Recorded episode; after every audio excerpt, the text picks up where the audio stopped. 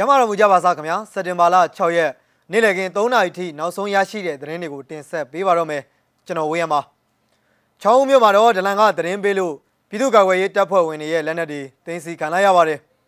ဝါခဲမမြို့ကဆက်လီမှောက်ပြီးတော့တေဆုံးသွားတဲ့ဆယ်မြောင်းဝန်ထမ်းသားဖရဲ့ရုပ်အလောင်းကိုတော့ပြန်တွေ့ပါပြီအာဖဂန်နစ္စတန်မြို့တော်ကန်ဒါဟာမှာအကြီးကျယ်လို့ဖြစ်နေတဲ့လက်နက်ပွဲစားတွေအကြောင်းပါဝင် Area 21တော်လန်ရေးအဖွဲ့ကအပတ်စဉ်သုံး စစ်တင်နန်းဆင်းနေဆိုတဲ့အကြောင်းတွေနဲ့အတူဒီကနေ့နေ့လယ်ပိုင်း3နာရီထိနောက်ဆုံးရရှိတဲ့သတင်းတွေကိုတင်ဆက်ပေးမှာပါပထမဆုံးအနေနဲ့တင်ဆက်ပေးခြင်းတဲ့သတင်းတစ်ပုဒ်ကတော့စက်တင်ဘာလ9ရက်ညနေပိုင်းမှာချောင်းမြို့နောက်တောင်ဘက်9မိုင်လောက်အကွာအမြင့်မြို့ဟောင်းရွာကိုစစ်သားနဲ့ရဲတွေအင်အား80လောက်ဟာဒေသခံပြည်သူ့ကာကွယ်ရေးတပ်တွေရဲ့လက်နက်တွေကိုသိမ်းဆည်းသွားတယ်လို့သိရပါတယ်။သတင်းအတိအကျနဲ့အင်အားများများနဲ့လာဖမ်းတာဆိုတာတေချာလို့လာကြတာအဲ့တော့ဒလန်ရဲ့လက်ချက်ဆိုတာရှင်းနေတာပဲ ကျွန်တော်တို့ကဒီမတိုင်ခင်ဒလန်တွေကိုသတိပေးထားတာမျိုးရှိတယ်ကိုယ့်အလုပ်ကိုလုပ်ကြဖို့ကျွန်တော်တို့လုပ်တဲ့အလုပ်ကိုလည်းမနှောက်ယှက်ဖို့တခုခုဆိုရင်အသက်အန္တရာယ်အာမမခံဘူးလို့ပြောထားတာဒါကိုသူတို့ဘက်ကမကျင်တဲ့လို့ခုလိုသတင်းပေးလိုက်ကြတာလို့ယူဆတယ်လို့လက်နက်တွေဖမ်းဆီးခံရတဲ့နေရာကိုဒလန်သတင်းပေးတဲ့အကြောင်းဒေသခံကပြောဆိုပါတယ်အလင်းငိုင်းမိခံလိုက်ရတဲ့ဒေသခံကာကွယ်ရေးတပ်ဖွဲ့ဝင်တွေကလည်းမခုခံတာပဲနဲ့လက်နက်တွေကိုထားပြီးလွတ်မြောက်ရာကိုထွက်ပြေးကြရပါတယ် အဲ့ဒီဖြစ်စဉ်မှာမျိုးသား3ဦးဖမ်းဆီးခံရတယ်လို့သိရပြီးလက်လုံတနက်အလက်90ခန့်သိမ်းဆည်းခံလိုက်ရပါတယ်။ဒူမီလက်လုံတနက်မှာခါးကျိုးတနက်ဟာအဆင့်မြင့်တဲ့လက်လုံတနက်အမျိုးအစားတစ်ခုဖြစ်ပြီးတော့ကြီးအရန်အသင့်ထက်ပြနိုင်တဲ့အမျိုးအစားဖြစ်ပါတယ်။ဆီယနာသိမ်းမှုနဲ့စစ်သားတွေရဲ့လက်နက်အားကိုအနိုင်ကျင့်မှုတွေကိုမခံလိုတဲ့ဒေသခံတွေဟာလက်လုံတနက်တွေကိုလျှို့ဝှက်လှုပ်ဆောင်နေခြင်းဖြစ်ပြီးတော့လက်နက်ကင်တော်လိုင်းရေးတရက်ဆင်နွှဲဖို့ပြင်ဆင်နေကြတာလည်းဖြစ်ပါတယ်။ကျွန်တော်တို့ကမြို့သားညီညွတ်ရေးအစိုးရနဲ့ဆက်သွယ်လုပ်ကင်နေတာပါ။သူတို့ဘက်ကအမိန့် မကြလာသေးလို့ဒီအတိုင်းဆောင်ဆိုင်နေတာပါ။ဒီလိုလက်နက်တွေလုပ်တယ်ဆိုတာလေအသက်နဲ့ရင်းပြီးလုပ်ရတာအချိန်တွေရောငွေတွေရောအများကြီးတီးဆောက်လုပ်ကန်ရတော့ခုလိုဖမ်းမိခံရတာအတော်နှမျောတယ်ဗျာလို့လက်နက်တွေဖမ်းခံရတဲ့အတွက်စိတ်မကောင်းဖြစ်တဲ့ကြောင်းဒေသခံတော်လှန်ရေးသမားတဦးကဆိုပါတယ်ချောင်းမြို့မှာအဲ့ဒီလိုလက်လုံတနက်တွေဖမ်းခံရတာ၃ကြိမ်ရှိပြီဖြစ်ပြီးတော့ဖမ်းဆီးခံရတဲ့လက်နက်စုစုပေါင်း200နီးပါးခန့်ရှိပါပြီအဲ့ဒီလက်လုံတနက်တွေဟာတန်ဖိုးအဖြစ်တစ်လက်ကိုမြန်မာကျပ်ငွေ6000လောက်တန်ဖိုးရှိတယ်လို့သိရပါတယ်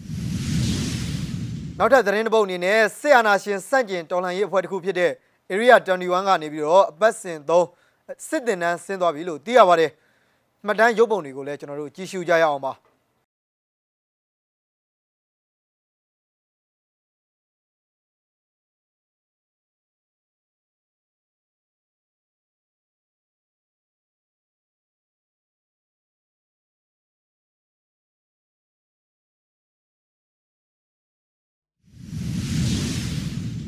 ထပ်သတင်းတစ်ပုဒ်အနေနဲ့ AR တိုင်းဝါခဲမမြို့နယ်မှာ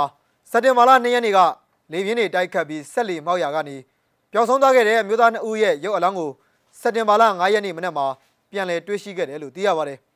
။အလံကျေးရွာကိုအလုပ်ကိစ္စနဲ့သွားတဲ့ဆယ်မြောင်းဝန်တန်းနဲ့သူ့သားကဆက်လီနဲ့မြကူရင်လေးနဲ့မိုးနဲ့မိလို့ဆက်လီမှောက်ပြီး2ရက်နေ့ညနေကပျောက်ဆုံးသွားခဲ့တာပါလို့ ဝါခဲမမြို့နယ်ကြက်ချင်နီအသင်းခွဲကတာဝန်ရှိသူတို့ကပြောပါတယ်ဝါခဲမမြို့နယ်ကြက်ချင်နီအသင်းခွဲကပြန်လည်တွေးရှိခဲ့တဲ့မျိုးသားနှစ်ဦးရဲ့ရုပ်အလောင်းကိုရင်ခွဲစစ်ဆေးဖို့အတွက်ဝါခဲမဆေးရုံကိုပို့ဆောင်ခဲ့တယ်လို့သိရပြီးမိတကြိုဖို့စီစဉ်နေတယ်လို့ဆိုပါတယ်နိုင်ငံတကာသတင်းတွေဘက်မှာတော့အာဖဂန်နစ္စတန်မြို့တော်ကန်ဒါဟာမှာအကြီးကျယ်အလုပ်ဖြစ်နေတဲ့လက်နက်ပွဲစားတွေအကြောင်းကိုလည်းတင်ဆက်ပေးကြပါတယ်တာလီဘန်တွေရဲ့သိမ်းပိုက်မှုဟာ အာဖဂန်နစ္စတန်အတွက်မရေရာမှုနဲ့စီးပွားရေးထိခိုက်မှုတွေရှိလာနိုင်ပေမဲ့ခန်းမိုဟာမက်တို့လိုလက်နက်ပွဲစားတွေအတွက်တော့အကောင်းဆုံးအသုံးချနိုင်မဲ့အခွင့်အရေးတစ်ခုဖြစ်လာခဲ့ပါတယ်။တာလီဘန်တွေရဲ့ဘူမိနက်တန်ဖြစ်တဲ့ကန်ဒါဟာပြည်နယ်ရဲ့တောင်ပိုင်းပန်ဂျာဝီမှာရှိတဲ့သူ့ရဲ့ဆိုင်မှာကုန်ပစ္စည်းအသစ်အသစ်တွေနဲ့ပြည့်နေပြီးဘေးနှစ်ဖက်ကဆေးပစ္စည်းဆိုင်နဲ့စတိုးဆိုင်တွေထက်ရောင်းအားကောင်းနေခဲ့ပါတယ်။ဆိုင်နိုင်ရန်မှာတိုက်ခိုက်ရေးပျောက်ကြားအင်ဂျီတွေနဲ့ကိုကျက်အင်ဂျီတွေကိုချိတ်ဆွဲထားပြီးမိုဟာမက်ကတော့ American Low Spit and Western Pistol တွေနဲ့ကြီးစလွယ်ကပတ်တွေကိုပြသနေခဲ့ပါတယ်။တခြား pistol တွေလက်ပစ်ဗုံးတွေ walkie talkie တွေနဲ့ကြီးစံတွေကိုလည်းဆိုင်ရှိကမှန်ကောက်တာမှာခင်းကျင်းပြသထားပါတယ်။ပဋိပက္ခရဲ့အဆုံးသတ်မှာလူအများစုကသူတို့ပိုင်တဲ့လက်နက်တွေကိုနောက်ထပ်သုံးဖို့မလိုတော့ဘူးလို့ယူဆကြပြီးလာရောင်းကြတယ်လို့မိုဟာမက်ကဆိုပါတယ်။နှစ်ပေါင်းများစွာအိမ်မှာလက်နက်ဆောင်ထားတဲ့သူတွေကဒီကိုလာရောင်းကြတယ်လို့သူကဆိုပါတယ်။အလားတူဝယ်မဲ့ဖောက်သည်တွေကလည်းမိုဟာမက်စီမှာတန်းစီနေပါတယ်။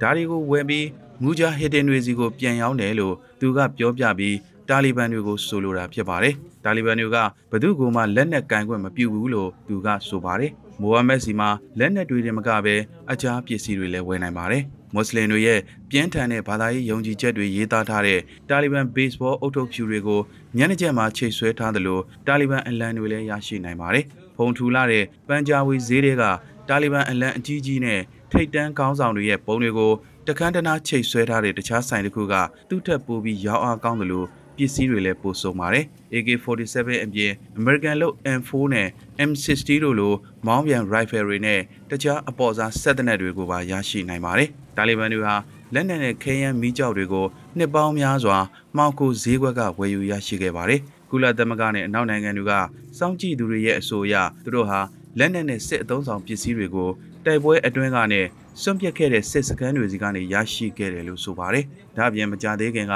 အာဖဂန်စစ်တပ်ပြိုလဲမှုကြောင့်စစ်သွေးကြွတွေဟာလက်နက်တွေတပြုံတမကြီးအရှံပဲရရှိလာခဲ့ပါတယ်။ American လို့ကြီးတဲ့သုံးလက်နက်တွေအပြင်အာဖဂန်နစ္စတန်ရဲ့အုပ်ချုပ်သူအသစ်တွေဟာဟန်ဗီကားတွေတန်ကြက်ကကားတွေနဲ့ Black Hawk Helicopter တွေအပါအဝင်စစ်လက်နက်ယင်းတွေကိုပါပိုင်ဆိုင်လာခဲ့ပါတယ်။ဒါ့အပြင်စစ်သွေးကြွတွေဟာပိုင်ဆိုင်တဲ့ငွေကြေးတွေကိုပါအကောင်းဆုံးအသုံးချနေပါတယ်။ စွန့်ပစ်ပြေးတဲ့အာဖဂန်စစ်တပ်နဲ့အမေရိကန်စစ်အခြေစိုက်စခန်းတွေစီကများပြားလာတဲ့လက်နက်ပစ္စည်းမျိုးစုံကိုငွေနဲ့ပေးချေဝယ်ယူကြပြန်ပါတယ်။အမေရိကန်တပ်တွေအာဖဂန်ကဆုတ်ခွာဖို့အရှိန်မြင့်လှုပ်ဆောင်နေတဲ့ဇူလိုင်လအတွင်းမှာပဲတာလီဘန်တွေဟာပန်ဂျာဝီပြည်နယ်ကိုသိမ်းပိုက်နိုင်ခဲ့ပါတယ်။ဒေသတွင်းဈေးကွက်ထဲမှာအဲ့ဒီအချိန်ကအာဖဂန်စစ်တပ်အခြေစိုက်စခန်းတွေစီကရတဲ့စောက်လို့ရေးပစ္စည်းတွေကအစဘီယာဘူးကွန်အထိအောင်အယောင်းဝယ်ဖြစ်နေပါတယ်။ ဒါတွေကိုအာဖဂန်စစ်တပ်ရဲ့အခြေစိုက်စခန်းတွေကိုသိမ်းပိုက်လိုက်တဲ့တာလီဘန်တွေစီကဝယ်ထားတာလို့ဆိုင်ရှင်မာတာဇာကဆိုပါတယ်။အခုဈေးမှာပြန်ရောင်းဖို့ယူလာတာလို့သူကဆိုပါတယ်။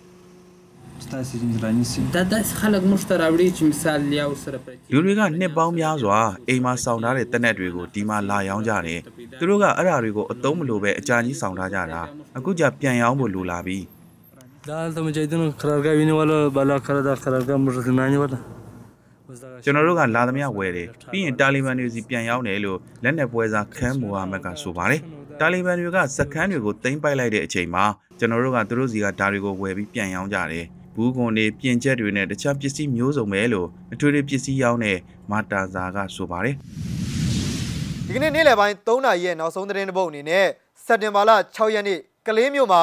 ဆေးရနာရှင်စန့်ကျင်ဖြုတ်ချရေးဆန္ဒပြပွဲပြုလုပ်ခဲ့တဲ့ရုပ်သံဖိုင်တစ်ခုကိုလည်း ဖွင့်ပြပေးကြပါရစေခင်ဗျာပြည်သူတွေရဲ့အဝဲအဝဲပြည်သူတွေရဲ့အဝဲအဝဲငါတို့ရှိတဲ့အာမလျှော့နဲ့ငါတို့ရှိတဲ့အာမလျှော့နဲ့ဖက်စစ်စစ်တဲ့အမြင့်ပြတ်ဖက်စစ်စစ်တဲ့အမြင့်ပြတ်တေရောမရှိတေရောမရှိခွေးတာခွေးတာခွေးတာခွေးတာ Baby, hey, baby, hey. Baby, hey, baby, hey. Baby, hey, baby, hey. 27မှာလာမဆုံးနဲ့27မှာလာမဆုံးနဲ့မင်းတို့တွေကိုဖိနိုင်နေတာမင်းတို့တွေကိုဖိနိုင်နေတာ